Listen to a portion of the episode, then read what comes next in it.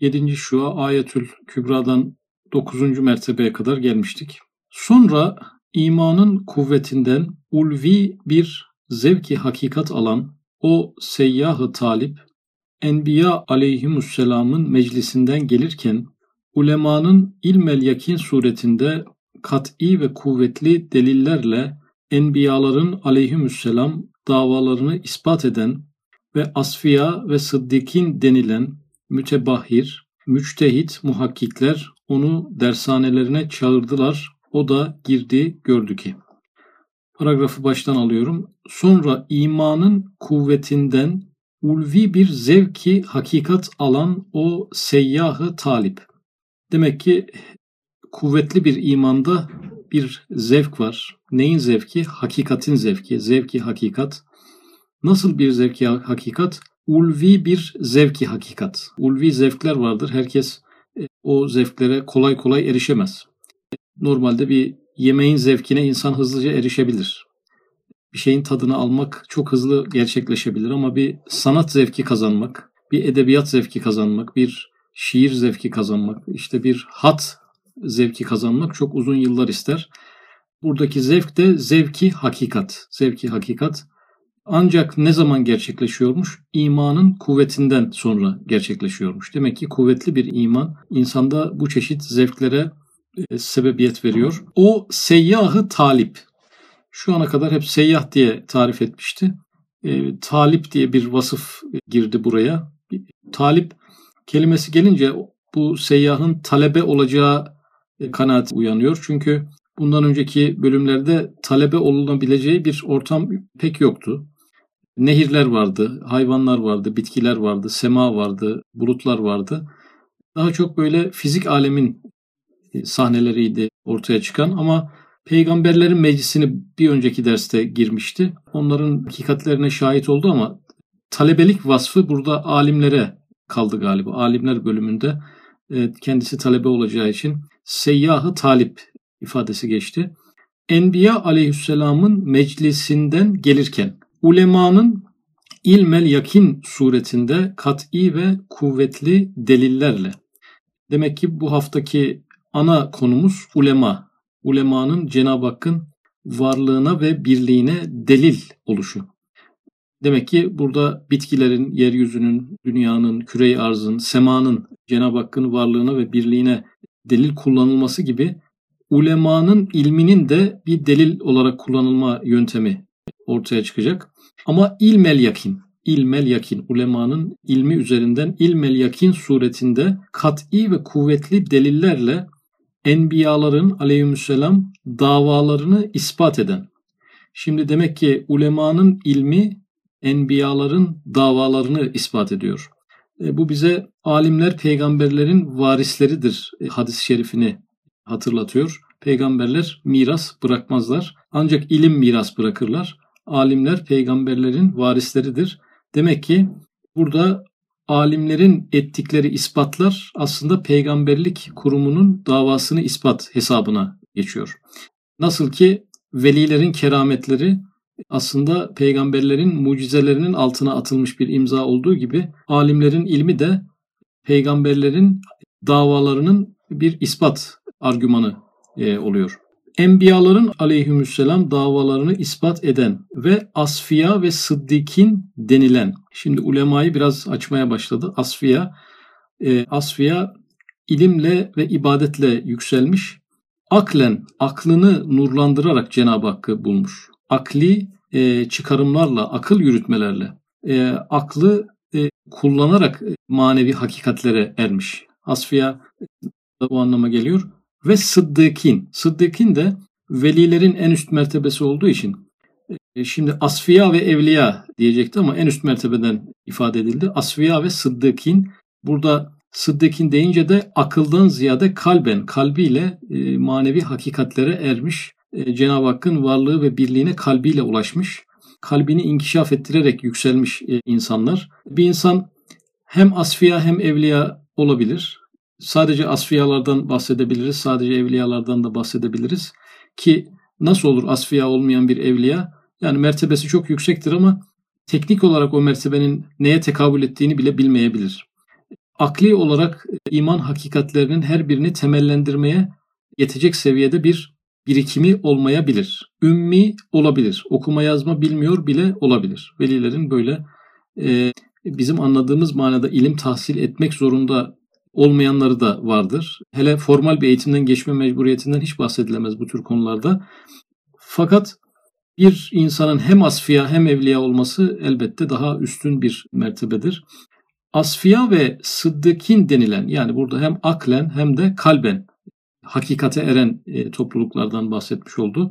Denilen mütebahhir, mütebahhir yani o içinde bulunduğu ilimlerde otorite durumda.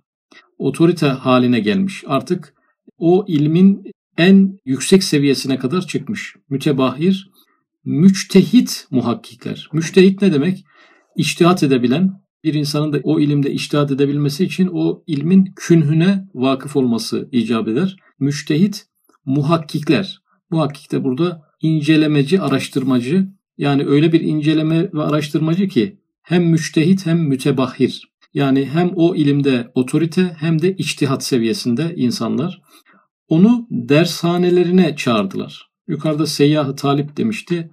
Talebe havası zaten uyanmıştı. Dershane kelimesi burada geldi. Demek ki bu asfiya ve evliyaların birer belki mezhepleri, birer e, kendi atmosferleri, kendi dershaneleri, kendi tarikatları, kendi kurdukları bir takım sistemler var. Burada bir e, bir noktada e, dershane kelimesi olduğuna göre kendi eğitim metotları, hepsinin kendi farklı eğitim metotları var. Dershanelerine çağırdılar. O da girdi gördü ki bakalım neyi görmüş. Binlerle dahi ve yüz binlerce müdakkik ve yüksek ehli tahkik. Yani binlerce dahi seviyesinde yüz binlerce uzman, maneviyatta uzman, maneviyatta otorite ve yüksek ehli tahkik. Ehli tahkik e, burada sadece kağıt üzerinde olan bilgileri ile hareket eden değil, aynı zamanda onları test eden, onları deneyimleyen, onların hakikatlerini gören insan, kıl kadar bir şüphe bırakmayan tetkikatı amikalarıyla, yani bir araştırma içerisine girmişler. Elbette bu tevhidin araştırması, yaratıcının tek olduğu ve kainat üzerindeki bütün tasarrufun onun elinde olduğuyla ilgili bir araştırma ama tetkikatı amika, yani en ince noktasına varıncaya kadar bir araştırma girişmişler. Peki neyin araştırması bu? Başta vücubu vücut. Yani Cenab-ı Hakk'ın varlığının mecburi oluşu. Vücubu vücut. Vücut varlık demek. Vücub vaciplik, mecburiyet, zorunluluk, zorunlu varlık. Başta vücubu vücut. Ve vahdet olarak yani tevhid olarak müsbet mesaidi imaniyeyi ispat ediyorlar. Evet istidatları ve meslekleri muhtelif olduğu halde yani bu zatlar iki tane temel konuyu daha çok ele alıyorlar. Cenab-ı Hakk'ın varlığı ve birliği. Burada istidatları ve meslekleri farklı olmalarına rağmen aynı sonuca ulaşıyorlar. E, burada nasıl bir örnek verebiliriz? Mesela Abdülkadir Geylani Hazretlerinin kurucusu olduğu yani bizzat kurmuyorlar tabii sonradan biz kurucu diyoruz ama e, Kadirilik meşrebiyle e, e, İmam Rabbani Hazretlerinin kurduğu meşrep arasında bir Nakşibendilik e, meşrebiyle bir farklılık. Burada Kadirilik ve Nakşilik diyelim yani. Bu iki tane okul, bu iki okulun farklılıklarına rağmen kurucularının fıtrat ve istidatlarının farklılığına rağmen aynı sonuca ulaşıyorlar. Allah birdir, ve onun varlığı zorunludur ve her şeyi eksiksiz ve ortaksız bir şekilde o yürütmektedir. E, muhtelif olduğu halde usul ve erkan-ı imaniyede onların müttefikan ittifakları ve her birisinin kuvvetli ve yakini bürhanlarına istinatları öyle bir hüccettir ki onların mecmu kadar bir zekavet ve dirayet sahibi olmak ve bürhanlarının umumu kadar bir bürhan bulmak mümkün ise karşılarına ancak öyle çıkabilir. İmam Rabbani Hazretleri dedik, Abdülkadir Geylani Hazretleri dedik, iki tane saydık. Ama diyelim ki biraz daha sayacak olsak, İmam Gazali Hazretleri e, diye ekleyecek olsak, Mevlana Celaleddin Rumi diye ekleyecek olsak, Bediüzzaman Hazretleri diye ekleyecek olsak, Muhittin İbni Arabi Hazretleri diye ekleyecek olsak 5-6 tane isim sayabildik. Fakat paragrafın başında binlerce. Binlerce böyle insan. Bu zekavet yani bu zekilik seviyesinde. Burada bir de dirayet kelimesi geçti. Dirayet kelimesi genelde rivayet kelimesiyle beraber geçer. Rivayet olmadığını anlatmak için. Yani e, rivayetlerden faydalanmadığı anlarda bile bir hakikati ispatlamaya zihinsel olarak gücü yeten e, insanlar. Böyle binlerce insan yan yana beraber hayal ettiğimizde iki tane şartın sağlanmasını istiyor. Diyor ki onların mecmumu kadar bir zekavet ve dirayet. Yani o binlerce büyük zatın toplamı kadar zeka, toplamı kadar zekalı bir topluluk karşısına koyacaksınız. Ve bürhanlarının umumu kadar bir bürhan bulmak. Yani onların Cenab-ı Hakk'ın varlığıyla ilgili ortaya koydukları delillerin toplamı kadar diyelim ki yüz binlerce o onların ortaya koydukları akli delillerin toplamı kadar bir e, e, deliller toplamı ortaya koyabileceksiniz ki o zaman karşılarına çıkabilirsiniz. Onların karşısına ancak böyle çıkılabilir. Yoksa o münkirler yani inkar ediciler yalnız cehalet ve eçheliyet ve inkar ve ispat olunmayan menfi meselelerde inat ve göz kapamak suretiyle karşılarına çıkabilirler. Normalde münkirler nasıl yapıyorlar? Neyle geliyorlar? Cehaletle geliyorlar. Cahillikle geliyorlar. Eçheliyet biraz da cahilliğinin farkında olmama haliyle geliyorlar. İnkar yani münkirlerin ortaya koyduğu şey bir şeyin inkarı. E, yoktur. Yoktur demek için bütün kainatı araştırıp her tarafını görmeden yoktur demek mümkün olmadığı halde yöntem inkar yöntemi olduğundan dolayı hiçbir emek gerektirmeyen ama ispat edilmesi de mümkün olmayan e, bir kavram üzerinde duruyorlar. İnkar. Ve ispat olunmayan menfi meselelerde inat. Yani münkirlerin hakikati inkar etmelerinin sebeplerinden bir tanesi de inat kelimesi. Yani fikrinden vazgeçememe. Ne de olsa aksini ettiğine göre bir daha da o yoldan geriye dönememe. Yani kainatı sahipsiz, yaratıcısız, kendi başına evrimleşe evrimleşe kendiliğinden bu seviyelere kadar geldiğini iddia eden, e, belki hayatı boyunca bu konuda mücadele eden, e, buna göre bir eğitim alan ve buna göre bir eğitim veren bir insanın bu hakikatten dönebilmesi kolay değil çünkü insanda bir fikrinden kolay kolay dönememe gibi bir problem var. İnat kelimesi e, burada yine İslamiyet'in indiği ilk zeminde de bunu görüyoruz. Efendimiz Aleyhisselatü Vesselam bütün faziletleriyle, bütün belki mucizeleriyle şahit olan insanların Bazılarının onu sevmesine de rağmen yine de İslamiyet'e girememesinin altında hakikat araştırıcılığı değil de bu gibi insani zaaflar yatıyor. İnat gibi, mahcup olmama gibi, yadırganmama kaygısı gibi bir takım insani zaaflar yatıyor.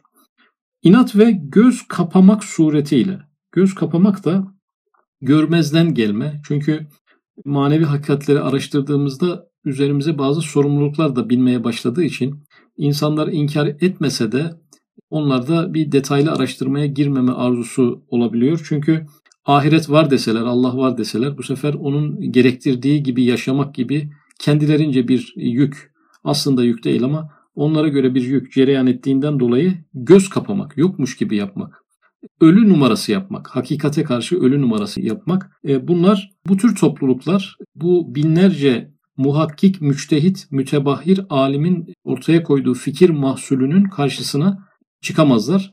E, çıkabilselerdi argümanlarla çıkarlardı. Araştırmalarla çıkarlardı. Hakikat araştırıcılığıyla çıkardı ama karşılarına daha çok inkarla, cehaletle, inatla ve göz kapamak suretiyle çıkıyorlar.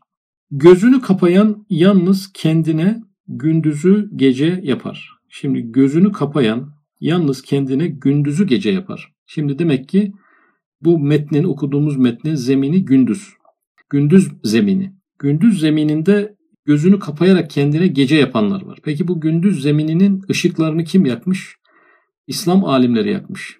E, evliyalar yakmış, asfiyalar yak, yakmış, müştehitler, e, mütebahhir ve muhakkik alimler yakmışlar. Her getirdiği telif eserle, ortaya koyduğu ürünlerle, talebelerle artık karartılamayacak şekilde hakikati tebeyyün ettirmişler ama gözünü kapamak isteyenler var. Gözünü kapayanlar da sadece kendilerine gece yaparlar ama belki başkalarının da gece olmuş diye umarlar. Ne de olsa burası karanlık belki herkese göre karanlıktır diye de zannedebilirler. Bu seyyah, bu muhteşem ve geniş dershanede, muhteşem ve geniş dershane çünkü hayalimizi kullanıyoruz burada. büyük bir dershane, sınıfları var, büyük büyük sınıfları var. Bir sınıfının hocası Abdülkadir Geylani Hazretleri, birinin hocası İmam Gazali Hazretleri, birininki Üstad Hazretleri. Böyle binlerce muhakkik alimin sınıflarının olduğu, kürsülerinin olduğu bir büyük dershane hayal ediyoruz. Neden bunları beraber hayal ediyoruz? Yani bunlar ayrı dönemlerde yaşamış, belki yan yana hiç gelmemiş insanları biz neden yan yana hayal ediyoruz? Çünkü Üstad Hazretleri bir delilden bahsederken insani delili de insanı bir delil olarak kullanmayı da ihmal etmiyor. E, bu modern bilime göre belki batı felsefesine göre yadırganabilecek de bir tavır. İnsanı baz alıyoruz. Burada insanın bize söylediklerini, getirdiklerini o insanın karakterinden yola çıkarak baz alıyoruz. Kur'an-ı Kerim hakikatleri anlatırken bazen bütün peygamberleri e, bazen 10-15 tanesini yan yana sayarak da bazı şeyler anlatır. Çünkü onları beraber hayal etmek hakikati hissetmemize, sezmemize, kabullenmemize destekçidir. Bir hadis-i şerifte min odur ki görüldüğü zaman Allah'ı hatırlatır buyuruluyor. İmanının hakikatine ermiş bir müminin e, yanında bulunduğumuzda bile imanımızın e, arttığını hissederiz. Fakat burada değil bir mümin bir evliyadan bir asfiyadan bahsediyoruz. Yani bir evliya ve bir asfiyanın yanında bulunduğumuz saatlerde zihnimize imanla, Cenab-ı Hakk'ın varlığıyla, birliğiyle, kaderle, ahiretle ilgili şüpheler gelmez. Çünkü onun nurani atmosferinde e, duygularımız aniden dengeye girer. Ama burada bir tanesi de değil. Binlerce evliya ve asfiyanın aynı anda beraber oldukları bir topluluğun ortasında oturduğumuzu düşünelim. Onların yanlarında veya e, bir halka şeklinde teşkil ettikleri bir atmosferin içinde bulunduğumuzu düşünelim. E, bugün imanını zayıf düşünen, günahlara karşı mesafe koyamayan, ibadetlerini yapmakta zorlanan insanlar o atmosferde bir saat kalsalar e, ne zihninde vesveseler kalır ne ibadetlerde bir zorluk kalır. O an içerisinde tam bir kalben mükemmel bir mümin hissiyatı insan taşır. Çünkü sohbette insiba ve inikas vardır. Üstad Hazretleri bu tarih boyunca gelmiş olan büyük zatların nurani atmosferlerini bize hatırlatmak e, hasebiyle bunu 7. şuanın 8. özür dilerim 9. mertebesinde bir e, delil olarak kullandı. İnsan Allah'ın varlığı için bir delil olarak nasıl kullanılabilir? E, bu bizim kültürümüze has biraz da bir şey. Ne deniyor? Hüccetül İslam İmam Gazali. Hüccetül İslam İmam Gazali yani İslam'ın delili, İslam'ın hak olduğunun delili İmam Gazali. Yani yazdıkları ortada, yaşadıkları ortada kendi başına bir delil. Bir dönemin de farklı din mensupları demişler ki biz İslamiyet'i kabul etmiyoruz. Hak din olduğunu kabul etmiyoruz fakat Abdülkadir Geylani'yi de reddetmiyoruz demişler. Böyle bir çelişkili bir cümleleri vardır. Bize göre insan bir hüccettir ve bazı insanlar vardır ki binlerce kitaptan daha büyük bir hüccettir. Üstad Hazretleri burada onların nasıl bir delil olduklarını e, özetle bize ifade ediyor.